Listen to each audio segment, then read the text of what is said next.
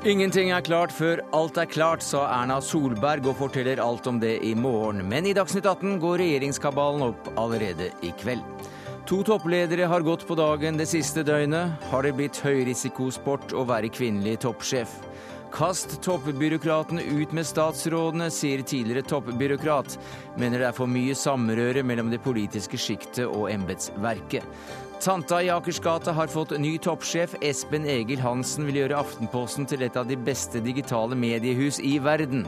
Og skatt er en privatsak, mener Høyre, og vil begrense innsynet i skattelistene. Trist, svarer Presseforbundet.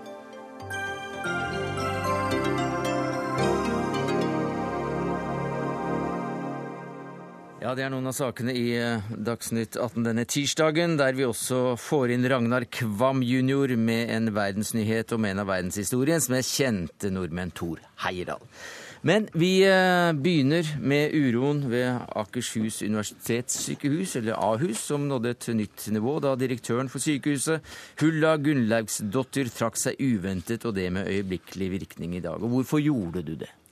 Eh, for jeg eh, føler at jeg har ikke nok støtte eh, fra styret. Og i så krevende stilling og med utfordringen som vi har, eller Ahus har, så er det viktig at jeg har full støtte fra styret. En av de kontroversielle forslagene som du kom med, og som er en av grunnene til at styret har valgt å si at, at nok er nok. Eller vil du si at du har fått sparken i dag, forresten? Nei, det har jeg ikke fått. jeg har eh, vært eh, i dialog eh, med styreleder de siste ja. dagene.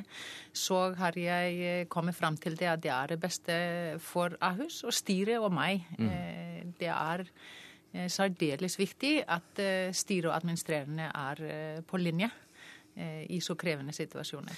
For Et av de kontroversielle forslagene du fremmet, er at helsepersonell skulle arbeide inntil tre ekstra helger i året. og Det ble det jo en god bråk om, og vi tok en runde eller to også her i Dagsnytt 18.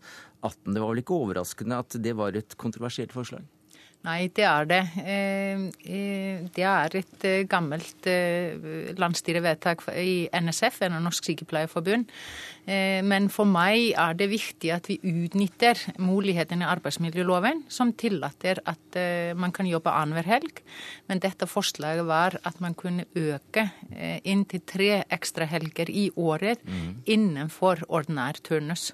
Og dette, dette vedtaket det tok du inn i, i, det ordinære styremøtet i september, der dere diskuterte dette og, og, andre forslag. Innsparingstiltak også. Og hva konkluderte styret med da? Bare først korrigere deg litt. Dette har vært oppe i styret helt siden februar. Yeah. Så dette er ikke noen ny sak for styret, men det var på tide å handle. Eh, og når vi skal begynne med gjennomføringen, så var det viktig å eh, gå igjennom disse tiltakene en gang til.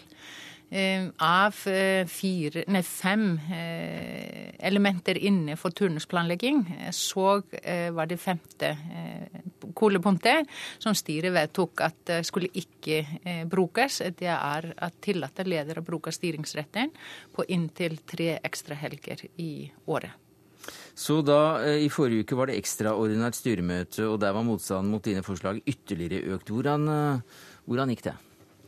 Eh, det, det, eh, det, var i det ekstraordinære styremøtet at dette vedtaket kom. Mm -hmm. I mhm. ordinært styremøte så hadde vi en presentasjon eh, som vi skulle utdype ytterligere. Eh, hva er eh, mulige resultater av slike vedtak, og hva er konsekvensene? Og det presenterte vi i ekstraordinære styremøte i forrige uke. Eh, men eh, likevel så ønsker styret at man ikke bruker det. Ja, Hva sa styret til dette? Nei, De hadde diskusjoner og, og kom frem til at uh, den femte uh, tiltaket at det ønsker man ikke å innføre. Og Hvorfor trakk du deg ikke allerede da? For at jeg er nå skrudd sånn sammen at når vedtaket er tatt, så følger jeg vedtakene lojalt og eh, eh, gjennomføre de beslutningene. Eh, det er mange beslutninger som tas i styret, og det er ikke alltid i akkurat som, som jeg kanskje legger frem, eller har lagt frem. Og så føyer man til, seg til etter styret og gjennomfører de vedtakene som gjøres. Ja, For det var i et åpent styremøte at du fikk motbør fra din egen styreleder? I åpent styremøte, ja. At styret mente at dette var for tøffe tak for sykehuset. Vi har invitert styreleder Gøran Skjernstedt hit i dag, selvfølgelig, men han hadde dessverre ikke anledning til å delta. Men kan du fortelle meg hva han sa til deg som gjorde at du da trakk deg i dag? Eh, vi diskuterte de siste eh, dagene eh, det om det var nok støtte i styret fra forskjellige styremedlemmer, hvordan man så på disse tøffe takene. Og da sa jeg til han der på tider å trekke seg. Hvordan falt ordene slik at du faktisk tok den konsekvensen? Jeg husker ikke akkurat hvilken ord jeg brukte, men under en dialog så, så ser man det at, at her må man bare ta en beslutning. Leif eh, Frode Onarheim, du har svært lang fartstid både som eh, direktør og som eh, bedriftsleder og et anselig antall styreverv. Det er bare et drøyt år siden du trakk deg som nestleder i styret for Ahus, og det av samvittighetsgrunner. Hvordan vurderer du denne avgangen? Dette syns jeg er veldig trist. Det, det som opprører meg, er at det er utrolig dårlig styrearbeid. Eh, jeg mener jo at eh, dette, som jeg har forstått det slik, dette har for så vidt vært på programmet flere styremøter. Man har diskutert det og sett på at det har ligget helt på budsjettet, egentlig. Og så kommer man så langt at man skal ta stilling. Og det er klart at når styrelederen da føler at dette, dette bør vi ikke gjøre, så tar han ikke det opp i styremøtet. Da går han til Hulda Gunnlaugsdottir og sier at før Hulda, det er flere grunner til at de kanskje skal utsette i hvert fall den diskusjonen. Vi får en ny regjering. De har sagt de skal se på dette med arbeidstidsbestemmelse osv. La oss da vente til vi ser hvordan det er, og ikke ta den fighten nå. Men i et ekstraordinært styremøte at et enstemmig styre går mot administrerende direktør, og derved er hun naturligvis i realiteten ute av selskapet, ute av sykehuset, det er dårlig håndverk. Ja, Grunn som eh, professor i eh, helseledelse ved VE, så er du opptatt av forholdet mellom styre og, eh, og direktører. Hva syns du om denne framgangsmåten? Nei, Det er jo trist at det for så vidt blir en uenighet mellom styre og direktør. Man burde ordne det for så vidt før styremøter, egentlig. Og nå er det klart at Styret har hørt veldig mye på fagforeninger og vel latt seg kanskje på en måte presse litt av Sykepleierforbundet, mer enn hensynet til ledelsen. Og jeg er for helt enig med Leif Frode at dette burde man ha ordnet uten at det kommer et åpent styremøte sånn. Det er jo klart at det er mange sykepleiere som har sluttet, og sånn, og det er en vanskelig situasjon med rekruttering av intensivsykepleiere og sånt på Ahus. Så et styre har jo en helhetlig ansvar. Men jeg syns det er litt sånn rart her om det er liksom eierne som har presset på, eller hvem som egentlig Om det er styrelederen. Det er jo et samlet styre her. Og eieren her, det er jo Det er jo Helse Sør-Øst, mm. ikke sant. Og hva, hva, som egentlig har skjedd på bakrommet. Det interessante er jo at det er samme styreleder som hadde disse konfliktene også med Siri Hatlen på Oslo universitetssykehus. Der gikk jo også en god sykehusdirektør. Og det jeg syns er synd, det er jo at måte, gode jenter som prøver å lede norske sykehus og ta ansvar for å få dette vanskeligste sektoren i samfunnet til å fungere, forsvinner ut så fort. Det syns jeg er veldig trist. Ja, Hva sier du til det? Ja, det er omtrent det er jo fotballtrenere og sykehusdirektører som i og for seg er mest utsatt i dette landet. Men, men det som, grunnen til at dette er vanskelig på Ahus, det er jo at man tok noen helt fundamentale gale beslutninger for flere år siden. Og det har forplantet seg hele tiden. Og Ahus har fått for mange pasienter. Det har vært flere enn man hadde regnet med. Og man har ikke mm. fått den bemanningen man skulle ha. Og de to tingene gjør at du også skal du leie inn, og så blir det også underskudd. Du får altså alt galt mot deg. Og så vidt jeg forstår Hulla Gunnlagsdotter, så forsøkte hun å se det er noen grep vi kan, kanskje kan gjøre. Ja, hun ble tatt inn her for å rydde opp. Ja, ja, hun ble ansatt. Hun var en god kandidat. Jeg var mye ansatt henne, så jeg mm. syns det er en, ekstra trist av den grunn. Men altså, det, det, det, det, blir noe galt, fordi det er hele tiden dette forplanter seg. Det man skulle gjøre nå, var liksom å sette seg ned og si hvordan kan vi nå legge opp en plan på fire måneder, fem måneder, og si hvordan skal vi da komme dit at vi har mm. nok personer, nok sykepleiere og sånn, og få en god arrondering. Mm. Det burde man gjøre, og det burde helseministeren som var, ha gjort. Og det håper jeg at den nye helseministeren vil gjøre for å få gjøre det mulig å drive det sykehuset, som er et fantastisk sykehus. Kan bli verdens beste. Men man altså strever for å få det til. Nei, Det er jeg helt enig i. Du kan si at Det er jo hele denne hovedstadsprosessen som ikke har fungert. For det var jo liksom forholdet litt mellom Oslo universitetssykehus og Ahus når man flyttet pasienter sånn uten at man hadde noen helhetlig plan fra eier av Helse Sør-Øst. Så det, hele den prosessen har jo gått veldig dårlig. da, Og det er jo sånn slått ut med at begge disse to sykehusdirektørene har gått. Men i går så kom jo da også meldingen Du nevnte at det er synd at eh, flinke jenter forsvinner ut av Helse-Norge. Men eh, vi kan eh, kanskje ta med en som ikke jobber i Helse-Norge, men som har jobbet i kommunenes sentral Forbund het i hvert fall i gamle dager. Men KS heter det i dag, ja. Eh, og det var eh, altså Sigrun Vågeng eh, som trakk seg med umiddelbar, umiddelbar virkning pga. uenighet om gjennomføringen av lederprinsippene i, i KS. Og så to sterke kvinner i løpet av ja, og Der er nok noe av det samme. Der har du forholdet forstått mellom de tillitsvalgte politiske systemet og administrasjonen.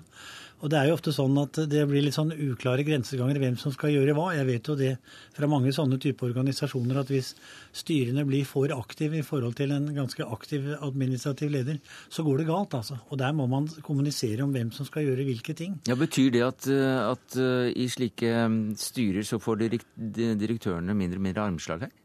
Ja, altså det er ganske interessant siden Leif Frode har jobbet i NHO. Det er vel nesten ingen nå som vet hvem som er president i NHO.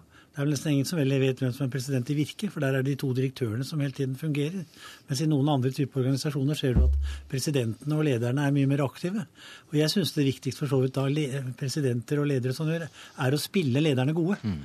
Ikke sant? Det er, jo, det er, jo, klart at Når du får denne situasjonen, så det kan ofte være, også i private bedrifter, ganske ofte at eh, det blir forskjellig syn på strategien. Og det er helt fair at man da administrerende direktør eller styreformann finner ut at hør her, dette er kanskje ikke det lureste å fortsette med. Mm. Det er greit, men også men å kjøre løpet helt til et ekstraordinært styremøte og så si det at nei, vi hugger huet av deg nå, det er liksom utrolig lite kompetent. Det er det som liksom jeg syns at, at, nå bør de få et skikkelig styrer og signaler fra, fra, fra departementet, helst ikke gjennom Helse Sør-Øst, og sørge for at liksom, man har et kollegium som setter seg ned med administrerende direktør når det er uenighet, og ser hvordan skal vi komme til enighet. Eventuelt konstatere at vi er uenige. Det er greit. Mm. Men ikke et styremøte med et presse og alle folkene og alle ansatte sittende rundt. Det er helt galt. Du ser nå hva styret ikke vil. Hva er det styret egentlig vil? Ja, hva er det de vil med Ahus? Altså, De har stemt mot direktøren. Jeg skulle gjerne sett hvilke forslag er det de egentlig har. Hvordan de skal mestre de utfordringene Ahus står oppi. Eh, jeg har ikke fått noen forslag til det. Så, eh, men jeg har vært veldig klar på hva Ahus trenger. Eh, Ahus har hatt utfordringer nå i fem år siden de flyttet inn i nytt sykehus i 2008. Og egentlig aldri fått muligheten til å bli det fantastiske sykehuset som man forespeiler det. Så Ahus trenger økt kapasitet de trenger redusert opptaksområde pga. befolkningsveksten i, mm. i Oslo og Akershus er så stor. Og de trenger eh, rom og tid til å gjennomføre de endringene. Disse tre tingene er helt fundamentalt til å få det til på Ahus. Så eh, jeg, hvis jeg kunne ønske meg noe på sluttdagen, det er at Ahus fikk realsjanse og restart. ja, vel restart for hele sykehuset. Men det får du nok uh, antakelig ikke. Men uh, takk skal du ha for at du, kom og kastet lys over uh, din avskjed i dag, som altså skyldes inkompetent, et inkompetent styre, ifølge Jan Grundt, i hvert fall Leif Frode Onarheim. Takk skal dere ha for at dere kom til Dagsnytt 18. Takk til deg, Hulda Gunnlaugsdottir.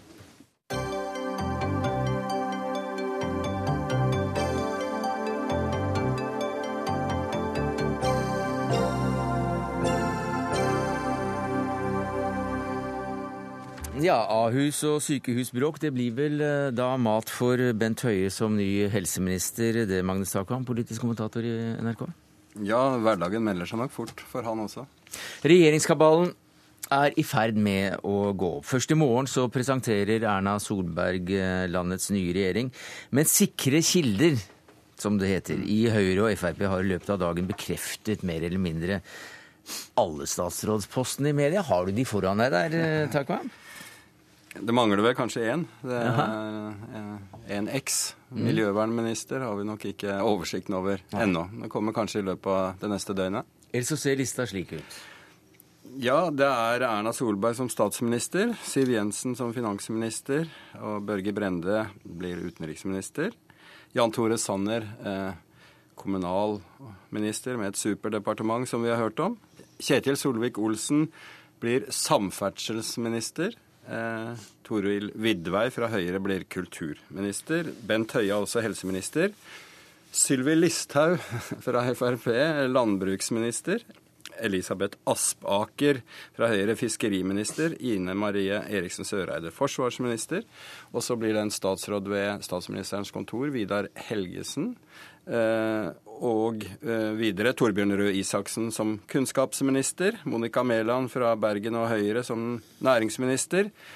Tord Lien fra Frp, eh, olje- og energiminister. Robert Eriksson, også fra Frp, arbeidsminister. Anders Anundsen fra Frp, justisminister. Og Solveig Horne fra Fremskrittspartiet, barne- og familieminister, eller hva man nå vil kalle det departementet etter hvert. Litt høytid over dette, Fridtjof Jacobsen. Du er eh, leder for VGs kommentaravdeling. Hva sier du til lista? Er det, er det slik dere også ser den? Ja, eh, vi har vel fortsatt noen usikre på Listhaug, eh, som jeg ikke har bekreftet. Og så er det jo dette åpne miljøvernministerkortet. Mm. Men ellers er det slik det blir. Ja, og, og, hvis man skal ta denne fordelingen av statsråder, som vi har mm. hørt skal være 11-7, så kommer miljøvernministeren altså fra Høyre.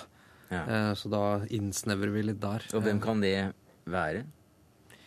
Eh, det, det, er litt avhengig altså, Det er noe med kjønnsbalansen her som skulle kanskje tyde på at det kan bli en kvinne. Men uh, nå sa jo Solberg for noen dager siden at den var ikke så dogmatisk, den kjønnsbalansen. Noen har nevnt Nikolai Astrup. jeg vet ikke. Fridtjof Jacobsen, i flere uker så har du fulgt Erna Solberg på, på, på tett hold, særlig gjennom valgkampen. Du skriver en bok som snart kommer ut om veien til, til regjeringslokalene alle de store mediehusene er plutselig ganske sikre på, på denne lista her, mer eller mindre en pluss-minus her.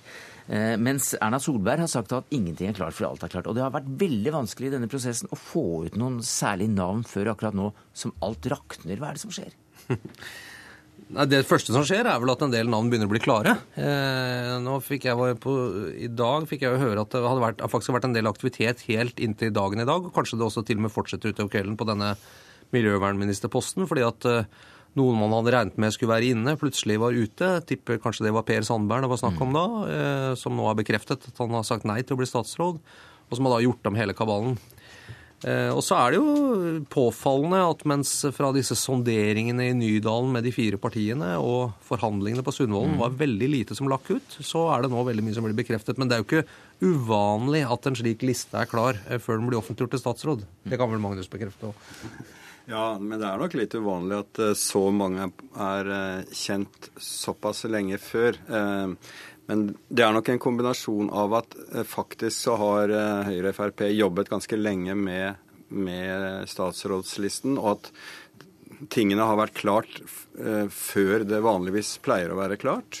Og så har vi en stadig utvikling av, i mediefronten, der hvor du har elektroniske medier, altså nettaviser og Eh, alt blir publisert i det øyeblikket du snakker med en person som bekrefter et navn, så er du ute, er ute. med en gang. Og Tidligere, i hvert fall for noen år siden, så var det sånn at man ventet liksom på morgensendingene i, i radio og, og, avisene som kom ut om morgenen før man kunne lese dette. Ja, det, var, det var gode tider, det. Ja, fordi det gjaldt, var det det. Men eh, Jacobsen, hvis du ser på denne lista, da. Hva slags regjering ser du konturene av?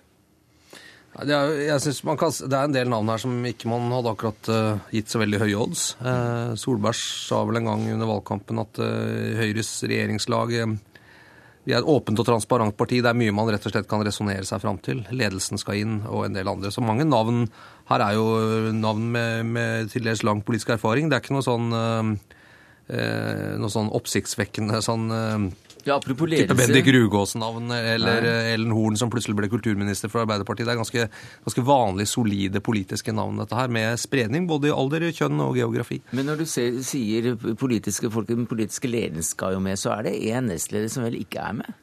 Per Sandberg, ja. ja. ja, ja. Eh, og det Ja altså, Det er jo Sandberg selv som vet, men han har jo vært ute på Dagbladet og bekreftet at han sa nei til å bli statsråd. Han sier at eh, familiesituasjonen med familie på Senja, mm. en kone som eh, skal opereres, en sønn der, gjør at han ikke mener han har kapasitet til det. Men eh, Ja, vi får se hva som er den egentlige grunnen, det vet vi jo ikke.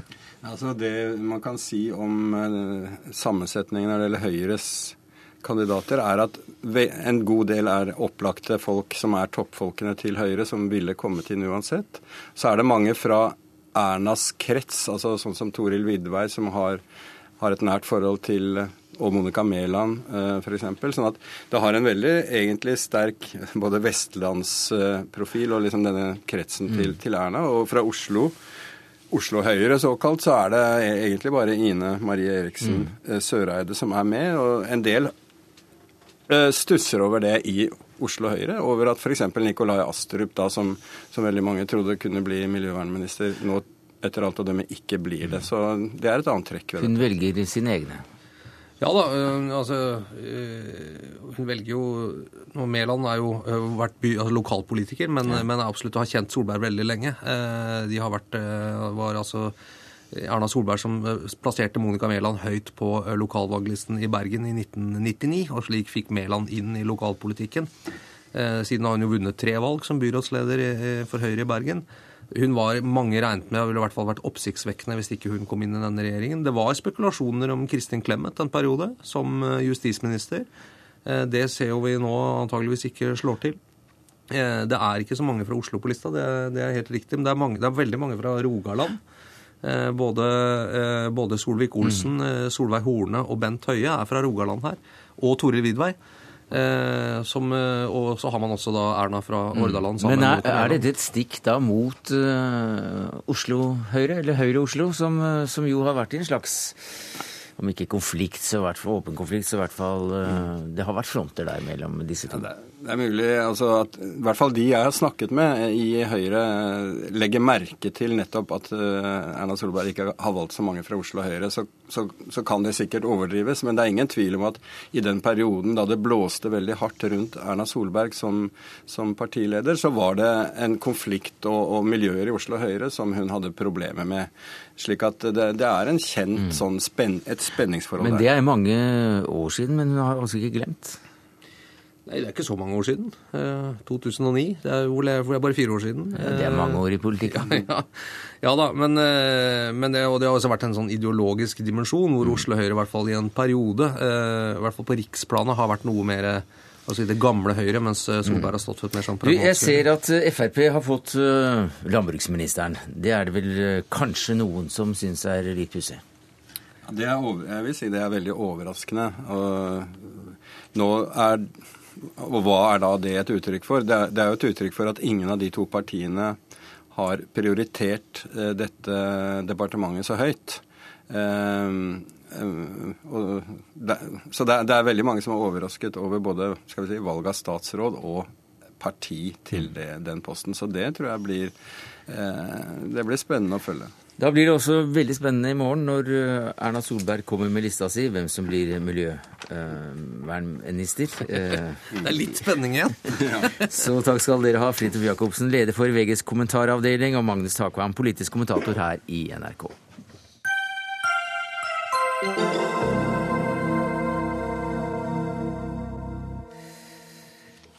Som flere sikkert har eh, fått med seg, så tar en blå regjering over for en rød-grønn. Foreløpig på papiret det mest radikale skiftet på lenges, ifølge observatører. Det er forvaltningen som skal sette en blå politikk ut i livet, men eh, nå er det på tide med en opprydding i forholdet mellom politikk og embetsverk, skriver du i Dagens Næringsliv, Gunnar Mathisen. Du er seniorpartner i Germeiden Kise, men mangeårig diplomat, nei, diplomat, i hvert fall byråkrat i, i forvaltningen. Hvorfor er det på tide med en opprydding? Ja, jeg mener at jeg har sett de senere årene, en viss forflatning av embetsmannskulturen. Jeg skulle tenke meg at uh, det var eh, noen flere av de gamle embetsmenn som satte klare grenser mellom politikk og, og forvaltning. Nå syns jeg det er eh, veldig mye samrøre. Man vet ikke helt hvor politikken eh, begynner og forvaltningen eh, slutter, og, og vice versa. Så jeg tror, når vi nå får en så radikal endring, altså det er for første gang i historien, så kommer Fremskrittspartiet inn i, i regjeringen. De skal lede sju departementer. Og jeg tror dette vil være ganske krevende for mange både embetsmenn og tjenestemenn som ikke har opplevd noe annet enn et rød-grønt styre. Mm. Ja, Hva sier du til det, Anne Kari Lande Hasle? Du er Solberg, inntil nylig departementsråd i Helsedepartementet og en av våre mest erfarne byråkrater. Til og med flere departementer. Flere departementer. Du, jeg er helt uenig. For det første i at det er et økende samrøre. Er det noe vi i embetsverket er opptatt av, så er det jo nettopp der grensen går. Og det er ikke få diskusjoner jeg har hatt opp gjennom årene om akkurat det, med hele politisk ledelse. Og så til at det kommer nye, at det er et stort skifte. For meg er det nærmest det samme som enhver annen regjering. Du forbereder deg, du leser de dokumentene som skal være, du stiller opp. Og det er utrolig viktig at vi virkelig får gjort den jobben for de politikerne som kommer. Både for de erfarne og de uerfarne. Ja, eh, Anne Karin er jo en fremragende representant for den gamle embetsmannskulturen, eh, etter mitt skjønn. Eh, men jeg mener jo at når det skjer så store endringer, som f.eks. det vi var inne på i Familie- og likestillingsdepartementet, hvor det går fra en radikal SV-politiker til en meget konservativ Frp-politiker. Dette er for mange en 180 graders snuoperasjon, og jeg tror at det er veldig vanskelig vanskelig for, for, mange.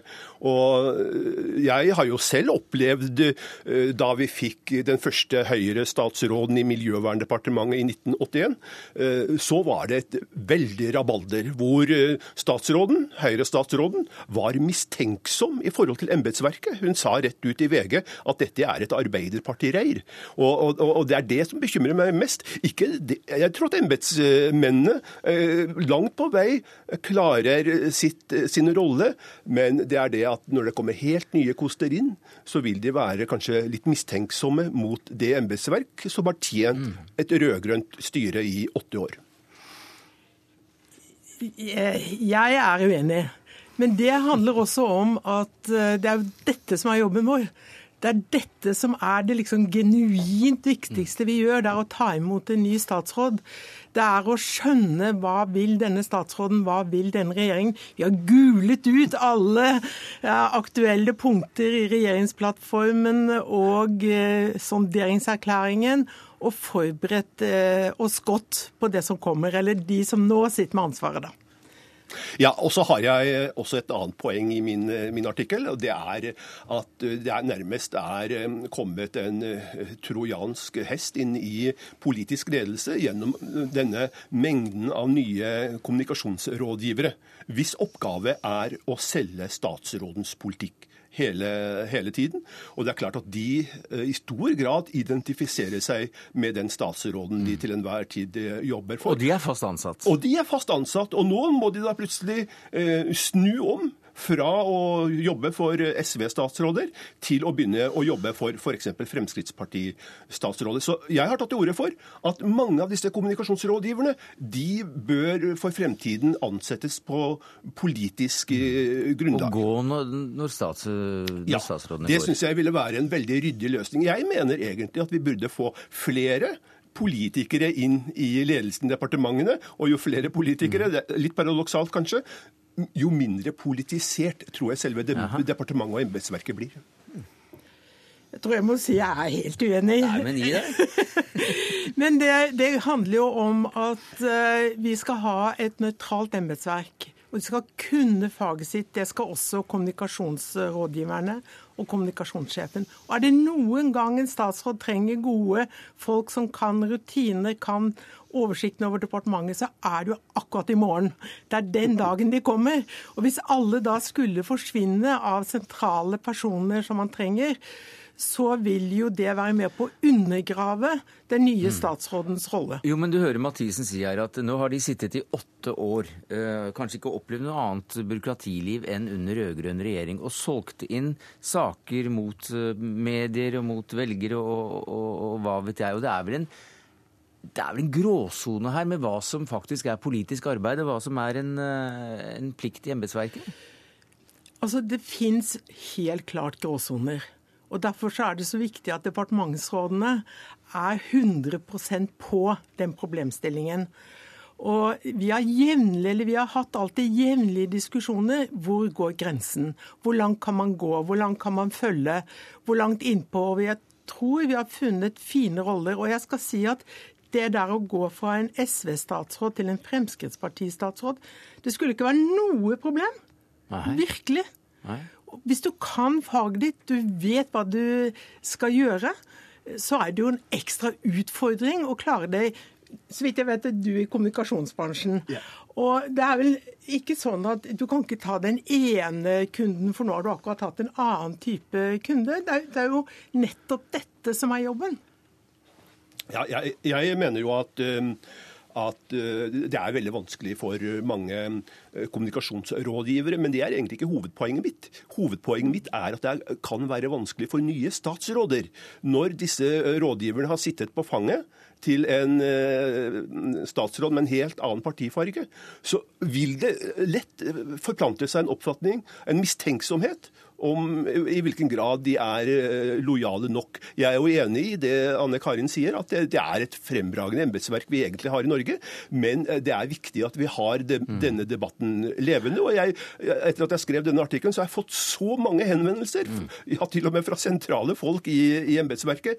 Endelig, dette må vi uh, snakke om. Men altså, i, i, USA så er det vel bare vaktmesteren igjen i departementene, og så skifter de ut resten, for å si det litt fleipete. Ja, altså, da, da Obama startet startet opp i, i 2009, så skiftet han ut 8000 eh, civil servants, altså tjenestemenn. Og det er jo en grunn til det. Men hvor, hvor, hvor, langt nedover i hierarkiet skal du, skal du bruke ljåen i, i, Norge? da? Bort med kommunikasjonsavdelingen, og så er det departementsråden som kanskje Nei, Nei jeg, jeg, jeg, eh, vil eh, si at vi har et veldig godt system i Norge, men, eh, men Kommunikasjonsavdelingen bør i hvert fall Den, første reformen mm. jeg mener vi må gjøre, er at vi får informasjons- kommunikasjonsmedarbeidere som følger politisk ledelse, som går den dagen statsråden går, og det kommer nye når vi får en ny statsråd statsråd. Eh, men for øvrig så er jeg ikke sikker på at vi trenger å gjøre så store reformer. Men denne debatten er viktig. Men er det noe en ny statsråd trenger, så er det et godt embetsverk. Og jeg vil si det at den testen er jo selvfølgelig om statsråden har tillit til systemet. Og Det er det som er bekymringen ja. fra Og der, det, Er det noe man leter etter, er følsom overfor, følger med på, så er det jo akkurat det. Men i morgen så kommer det altså et, et skifte. og Hvordan tror du at folk f.eks. i Landbruksdepartementet har det i dag? Jeg tror de har det ganske spennende. Ja. Og det er veldig morsomt akkurat disse siste dagene, hvor vi alle gjetter hvem det er som eh, kommer og hvordan det vil bli. Eh, og jeg har lyst til også å si at det kan være nesten større forskjeller på personer enn det er på partier. Altså Du kan få skifte fra én statsråd til en annen av samme parti, mm. men dramatisk forskjellige personligheter. Så det er viktigere faktisk enn politisk farge? Ja, jeg... Personligheten? Ja. ja. Da vet vi det, Anne Kari Lande Hasle, inntil nylig departementsråd i Helsedepartementet. En, eh, en, viktig person i det norske byråkratiet gjennom en årrekke. Gunnar Mathisen, eh, det er ingen som har kommet med penger for at du skulle selge inn akkurat denne saken til Dagsnytt 18? Nei, det er, det ikke. Du er seniorpartner i Gelmeiden Kise. Takk skal du ha for at du kom. Takk for det.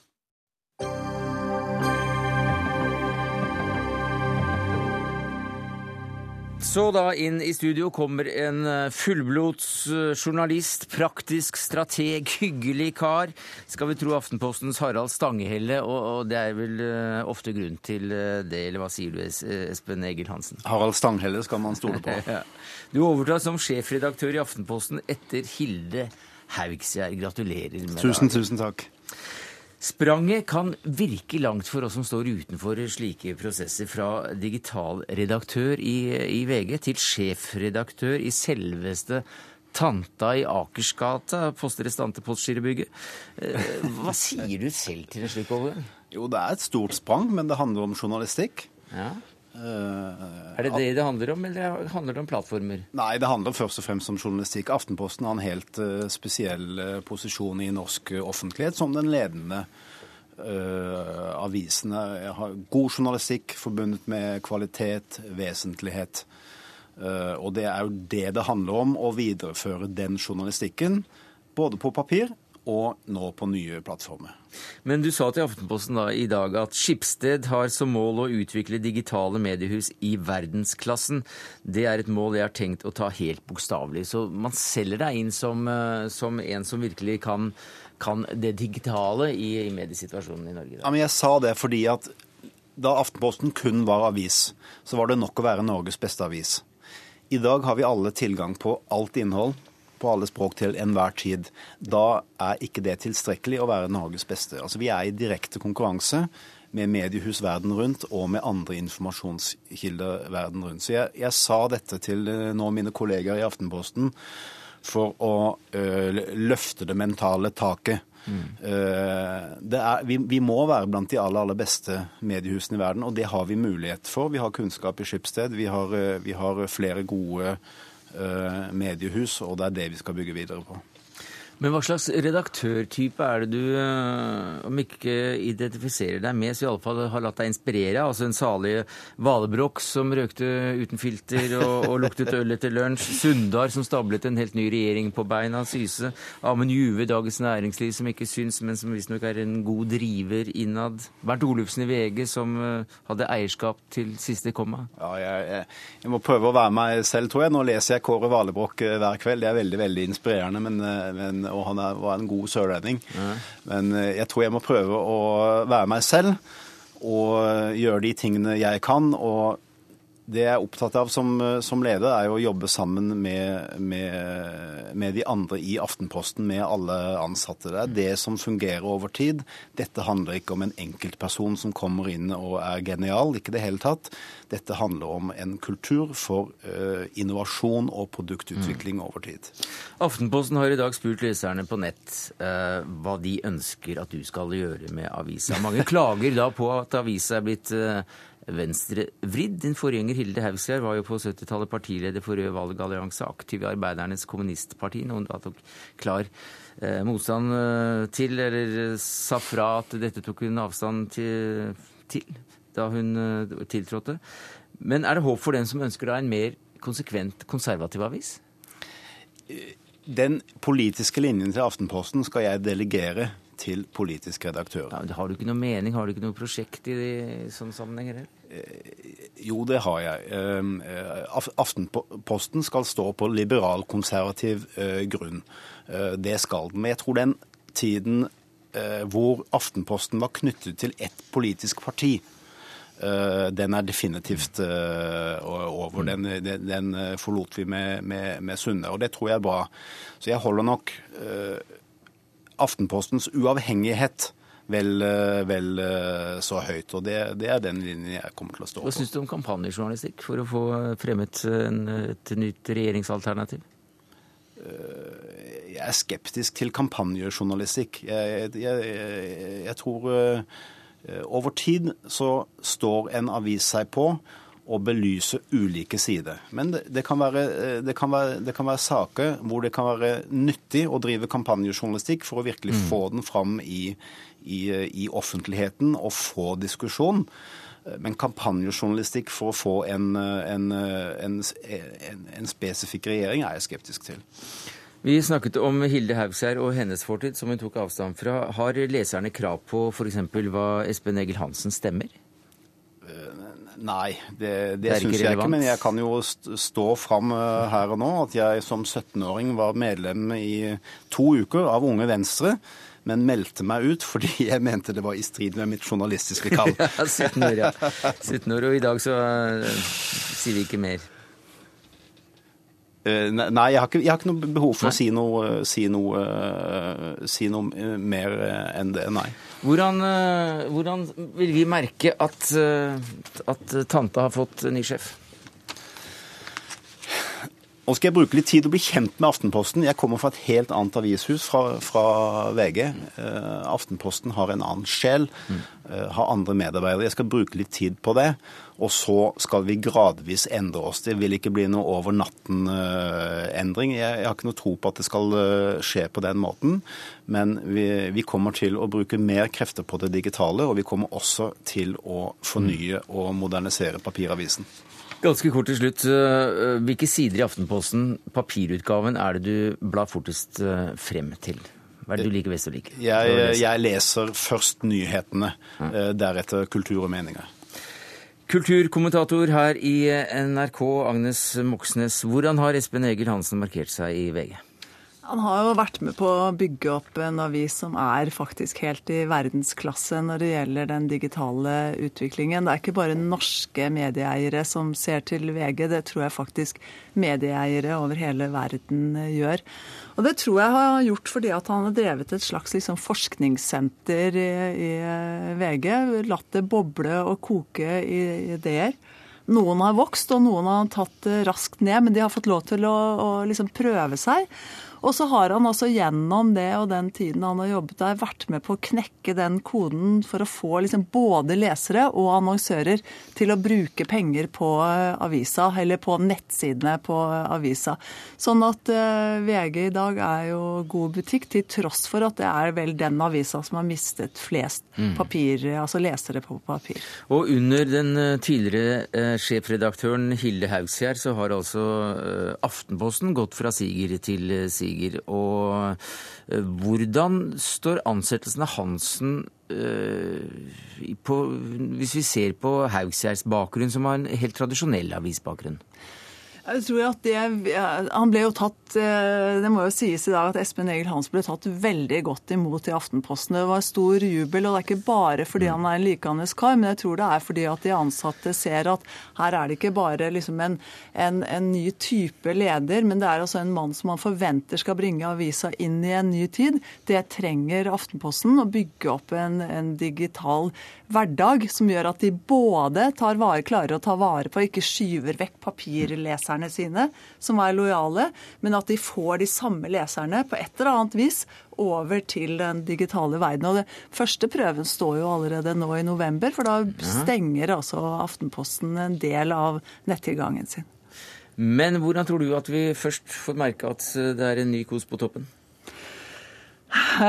Ja, det kommer vi vel antageligvis til å merke ved at han setter i gang forskningsarbeidet sitt på et eller annet vis. Han kommer ikke til å bli synlig, tror jeg, på samme måten i det offentlige rom som det Hilde Haugsgjerd har vært. Men eh, hvis han ikke gjør oss oppmerksomme på et eller annet vis på at det har skjedd noe i Aftenposten, så har han altså ikke gjort en god nok jobb.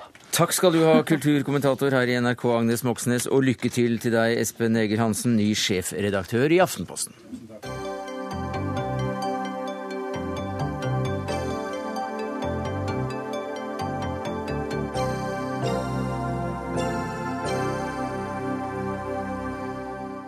Og Der fikk Aftenpostens nye sjefredaktør en god klem av Kjersti Løken Stavrum, generalsekretær i Norsk Presseforbund. Mhm. Har du store forhåpninger til den nye sjefredaktøren? Det, har jeg.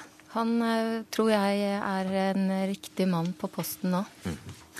Det er ikke derfor vi har bedt deg komme, men fredag så kommer altså da de nye skattelistene. Det vil si at medier får sine filer om hvor mye rikinger og naboen tjener, og hvor mye mer vedkommende betaler i skatt. Og denne gleden eller innsynet vil den blå regjeringen begrense, som skrevet står i regjeringsplattformen.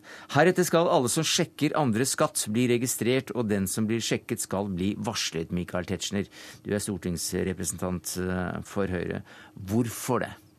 Begrunnelsen for det er egentlig å, lese veldig klart i Personvernkommisjonens innstilling, NOU 2009 nummer 1, eh, individ og integritet. Og der eh, var det jo nettopp tatt opp dette.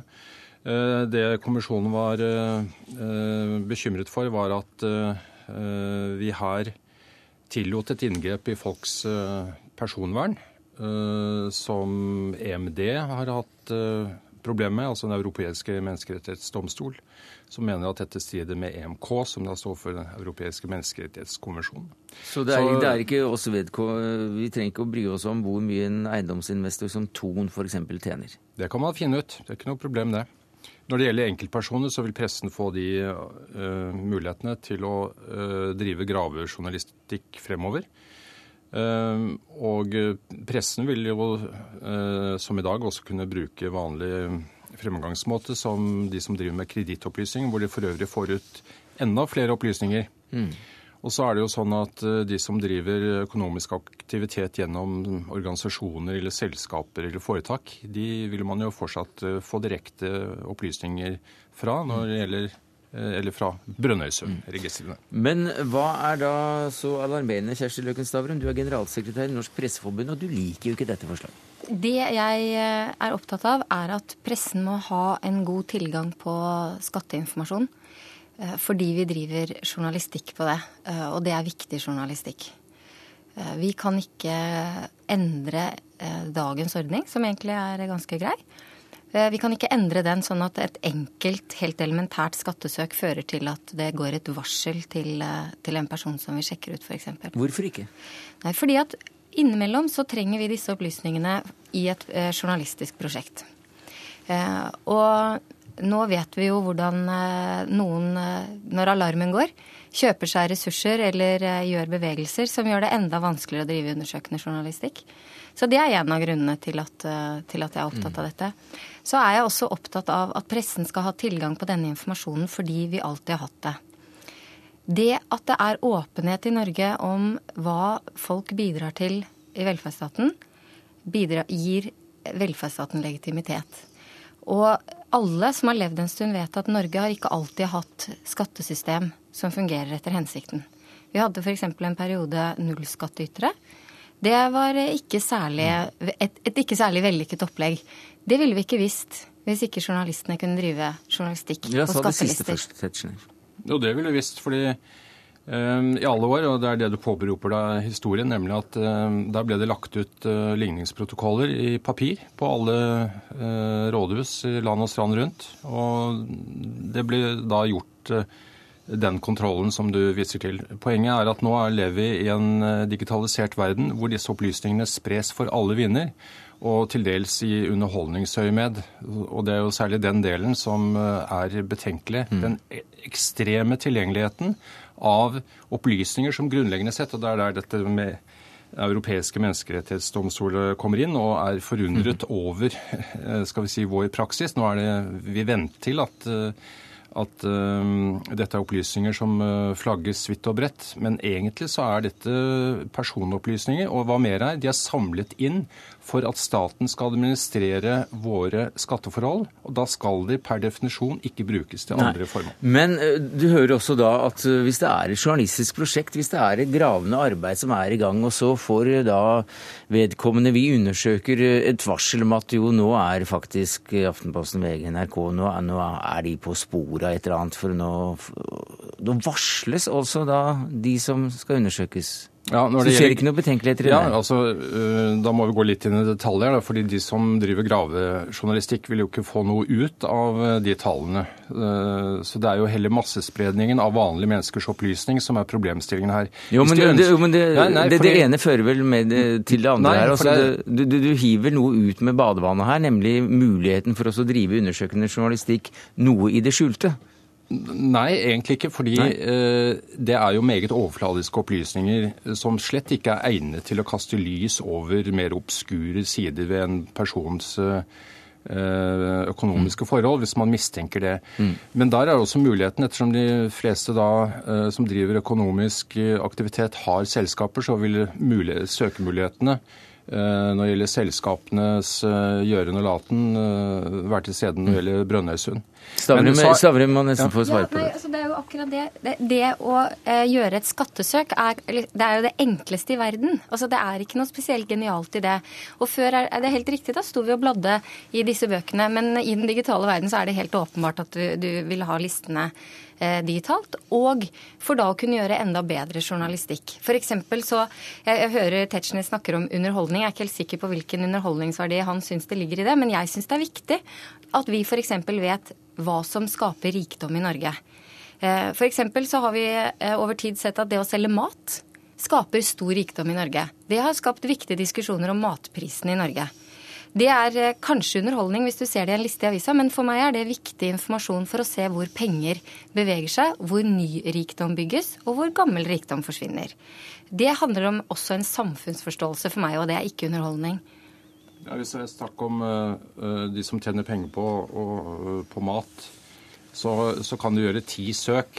Og vi, vi, snakker om de som da dominerer det markedet. Det, men når jeg først har en representant for pressen her, så må jeg si at uh, dere selv uh, forbeholder jo retten til å f.eks. skrive ledere uten at vi vet hvem som gjør det. Jeg kan si at det ikke er Eh, veldig mye informasjon som går tapt for eh, offentligheten ved å ikke vite det. Men, eh, det er et, det er litt angrep Og så har det kildevern, som jeg støtter, fordi det også støtter opp om noe annet som jeg er for, nemlig ytringsfrihet og informasjonsfrihet.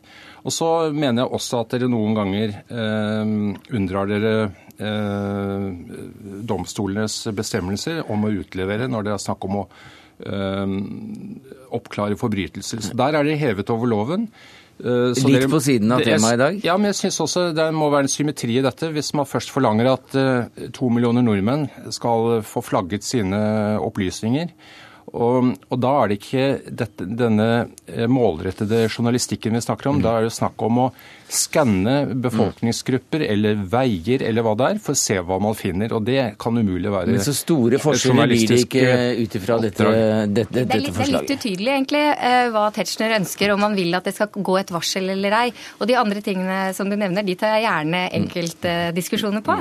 Men, eh, men jeg, jeg ser ikke noe poeng. Hvis man mener at staten eh, ikke er ufeilbarlig, som jeg tror Høyre faktisk mener. Og hvis man mener at staten ikke skal ta seg til rette overalt, som jeg også tror at eh, Høyre mener, så mener jeg at dette er helt elementær informasjon som bør være tilgjengelig. Eh, og jeg, det er klart man kan finne det på andre måter, men, men du vet like godt som meg at eh, noe eh, blir, noe skal vi bruke viktig tid på, noe skal vi bruke litt tid på. Og det å ha tilgang på skattelistene, som vi alltid har hatt, er elementær journalistikk. Men vi, vi bør ikke bruke ekstra mye ressurser på å få det til. Mm. Takk skal du ha, Kjersti Løken Stavrum, generalsekretær i Norsk Presseforbund, Michael Tetzschner, stortingsrepresentant for Høyre.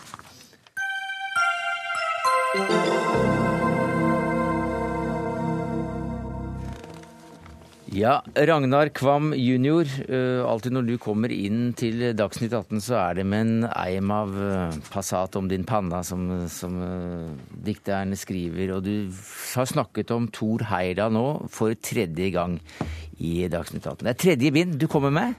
Ja. Hva slags bok er dette? Det er en bok som omhandler hans siste 25 år, med et hoved... Hovedoppmerksomheten rettes jo mot eh, Tigris-ekspedisjonen, som er et bærende element. Men det tar også for seg hans eh, stilling blant eh, forskere, som jo ikke ble bedre med, med årene, snarere tvert imot. Og ser også, jeg ser også litt på hans privatliv og på andre prosjekter, som ekspedisjon til Påskeøya, til Tukumé, Maldivene. I din forrige bok så ble det mye snakk om, om kvinnene. Eh, og du fikk masse oppslag på det. Så vi, vi lar kvinnene være i denne omgang og gå rett på noe kanskje av det viktigste i boka, nemlig Tigris-ekspedisjonen. Og hva som egentlig var meningen med det. Her er det en nyhet som jeg tror svært få har fått med seg. Ja, han eh, bygget Tigris og hadde en fantastisk eh, plan i tankene. Han ville seile Tigris fra der den ble bygget, i eh, dagens Irak, der hvor Eufrat og Tigris, elvene møtes. Ut Persiabukta, ned langs Øst-Afrika, rundt spissen av Sør-Afrika, over Atlanteren og opp til eh, Vest-India og Mexico. Dette ville han gjøre for å vise at det muligens var en forbindelse mellom de gamle kulturene i Mesopotamia, Indusdalen, Egypt. 2000-3000 år før Kristus? Ja, vi mm. snakker om 3000 år før Kristus og de store sivilisasjonene som samtidig vokste frem i eh, Mexico og Peru. Og som den diffusjonist Jo Thor Heyerdahl er, altså han eh, mente at eh, ting, ting oppsto ett sted og siden spredte seg, så mente han at det kunne være en klar forelå en sammenheng her. Og det ville han vise. Han hadde reist tusenvis av sjømil ut i det ukjente med Kon-Tiki. Dette skulle han gjøre igjen. Det var planen. Og det offentliggjorde han ikke før han dro. Dels fordi han ikke ville skaffe seg fallhøyde, spenne bunnen for høyt. Gud, kanskje? Også litt dels fordi han eh, var litt i lomma på BBC og National Geographic Aha. den gangen, som eh, sponset eh, store deler av ekspedisjonen, og som ville ha nyhetene for seg selv. Ja. Så Thor Heyerdahl med Tigris var egentlig på vei til, til Mexico. Visste mannskapet om dette? Noen visste litt, andre var litt mer i tvil. Han var veldig ordknapp også overfor mannskapet. De skulle seile ut i Det indiske hav, det var viktig for ham. Han hadde seilt over Atlanterhavet med Ra-båtene, han hadde seilt i Stillehavet med Kon-Tiki. Nå skulle han gi seg det indiske, det siste av de store havene i vold.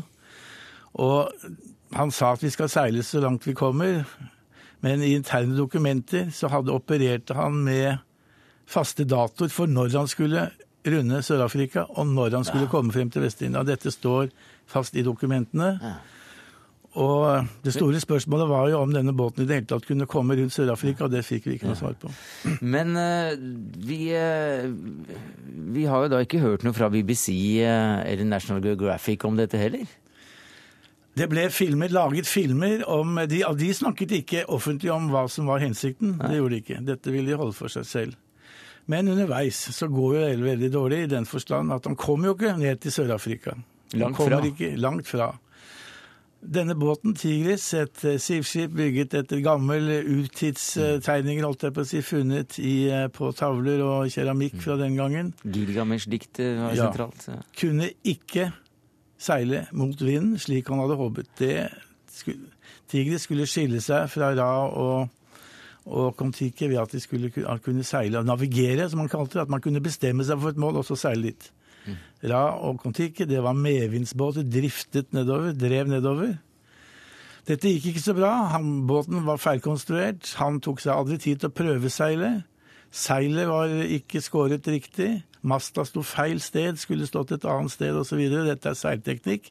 Men dette hadde han kunnet uh, finne ut av hvis han hadde tatt seg bryet med å prøveseile.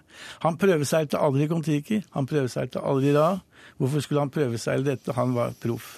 Så oppsto det som, kaltes, eh, som han selv kalte ekspedisjonssyken. Hva var det for noe? Ekspedisjonsfeber. Det var underveis ut fra Karachi og Indusdalen. Så drev de nedover i Det indiske hav. Jeg sier drev fordi vinden ble borte i nokså lange perioder. Og de visste ikke egentlig lenger hvor de skulle. For det, det begynte, og tiden gikk, og de kom på bakfot når det gjaldt vindretninger og sånt. De er jo system, sesongavhengige. Og så begynte mannskapet å begynne å kikke på hverandre og sitte og bli litt mer Begynte å gnage litt mellom hverandre. Sånn hadde det ikke vært på de forrige? Sånn hadde det ikke vært på de forrige. Tor Heyerdahl selv han, var jo, han ble berømmet av sine mannskaper for gode lederegenskaper. Og så måtte de ta en beslutning for å komme seg i land. Og så bestemte de seg for å seile inn Adenbukta, opp Rødehavet. Og nå oppsto den nye teorien, den litt vikarierende teorien, som han ikke hadde tenkt på før han dro.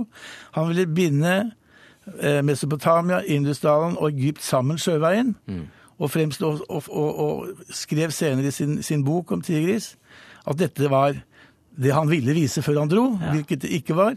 Dessuten så var det ingen nyhet. Dette visste vitenskapsmennene. Så satte han fyr på båten i protest mot uh, konfliktene på Afrikas Horn etc. Resten er uh, da historie, Ragnar Kvam. Hvor mange år har du arbeidet med denne mannen om denne mannen? Jeg har holdt på i elleve år.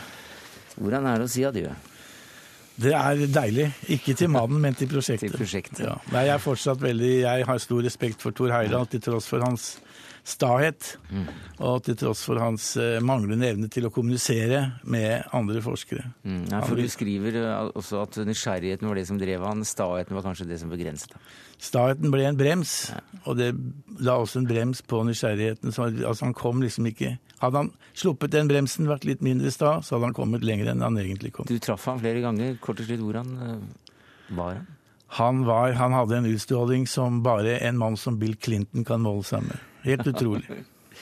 Det er en, en, siste bok altså, av en trebinds affære, 'Mannen og mytene'. Du selv har jo vært på de havnene som finnes, de evige oseaner rundt omkring i, på, rundt hele kloden. Prisbelønte bøker ut av det også.